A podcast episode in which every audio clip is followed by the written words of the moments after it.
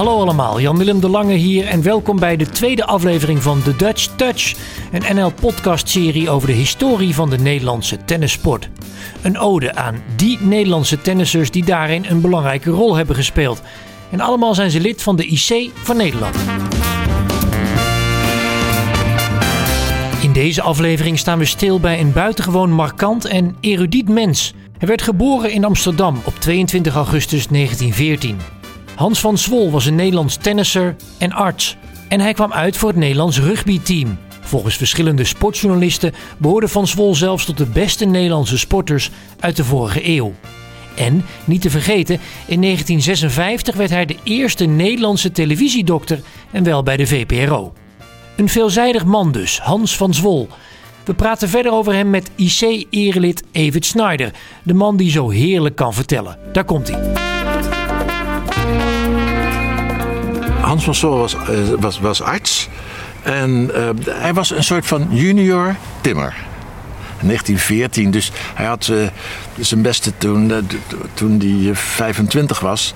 Toen, toen stond hij dus wel te spelen al in 1939.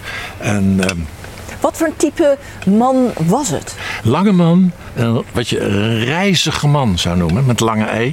Een, reizig, een reizige man met een heel intellectuele uitstraling. Was ook een, had een, een medisch programma op de televisie. De eerste televisiedokter. De eerste televisiedokter. Bij de VPRO. Ja, Bijzonder. Ja, heel bijzonder. En dat deed hij ook met heel veel, met heel, heel veel flair.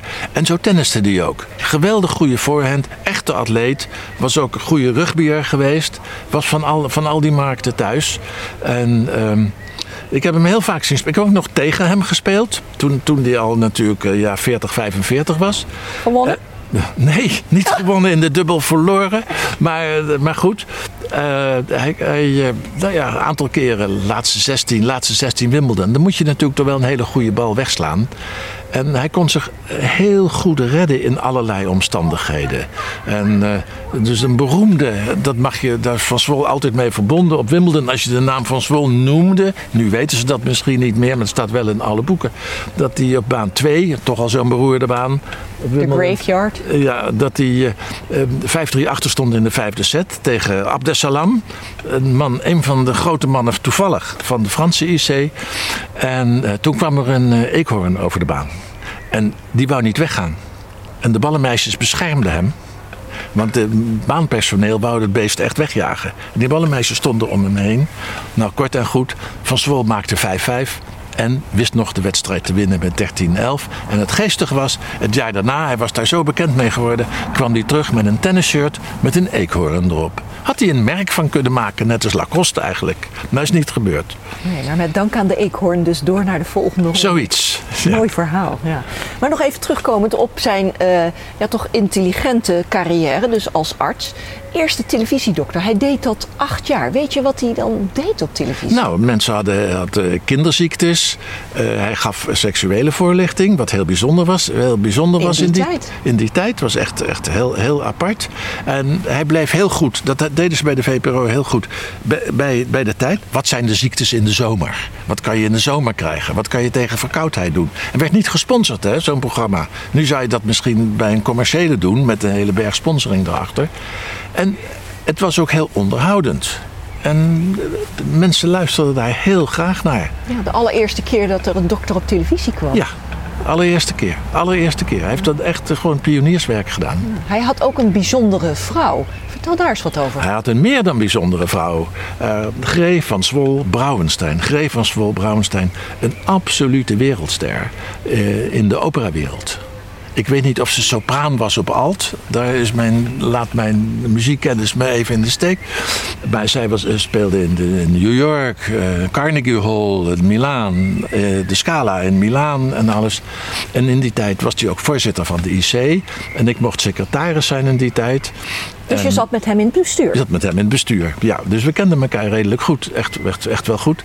En dan kwamen we in Hilversum. En hij woonde vlakbij het Melkhuisje. Dus we gingen eerst vaak tennis op het Melkhuisje. En dan, en dan, naar, dan naar, naar de vergadering.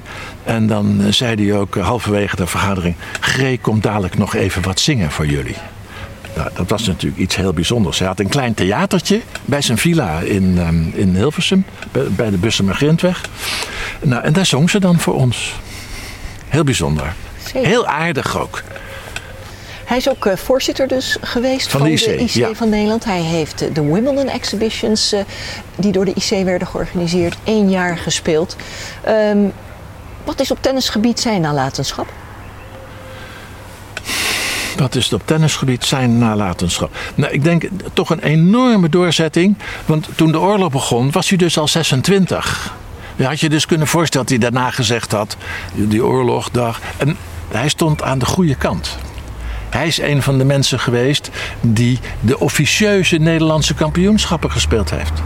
Want je mocht natuurlijk, er mocht alleen maar in het kader, net als de cultuurkamer van de schrijvers, mocht er alleen maar in, dus in Nationaal Socialistisch Verband getennist worden. Toen heeft hij zijn lidmaatschap van de tennisband opgegeven. Net als Huip Wilton zijn we en Ivo Winkel. En hebben in Voorburg bij Sobri, daarom is dat ook een, eh, een, belangrijke club in de geschiedenis. Hebben ze hun eigen nationale kampioenschappen gespeeld. En die won die niet, geloof ik. Nou, hij is toch vijf keer nationaal kampioen. Jazeker, maar ik geloof in de oorlog dat hij niet gewonnen heeft. Maar dat laat ik graag voor een ander. Ja. Um, hij heeft mooie wedstrijden gespeeld samen met Ivo Rinko. Ook een bijzonder IC-lid en ook een hele goede tennisser. Ja, Ivo Rinko, een hele goede tennisser. Een hele goede hockeyer ook. Hij is de, ik denk dat, hij de, dat Ivo de enige is, daar heb ik heel veel mee getennist. Want hij was eh, ook aanvoerder van jeugdploegen. En, en Ivo speelde de ene zondag speelde hij de Davis Cup. En de volgende zondag speelde hij het Nederlands hockeyelftal.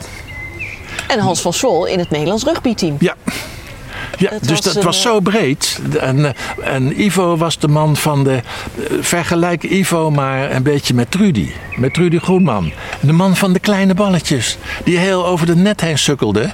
Maar die wel dus iedere keer omhoog gespeeld moest worden. Nou, en dan stond Hans van Zwol daar.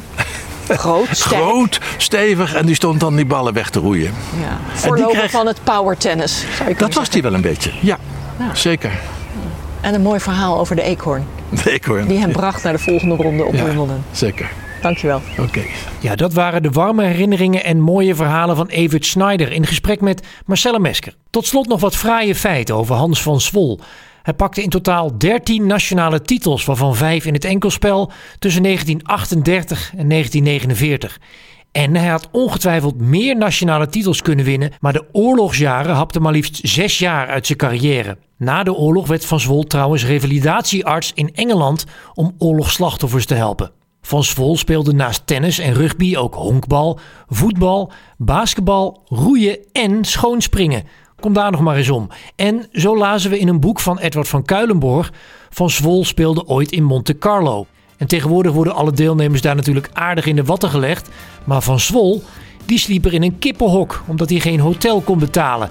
Aardige bijkomstigheid, hij begon iedere dag met twee verse eitjes. Tot zover aflevering 2 van The Dutch Touch, een NL-podcast-serie over de historie van de Nederlandse tennissport. Leuk dat je luisterde. Vergeet je niet te abonneren op deze podcast en tot de volgende keer.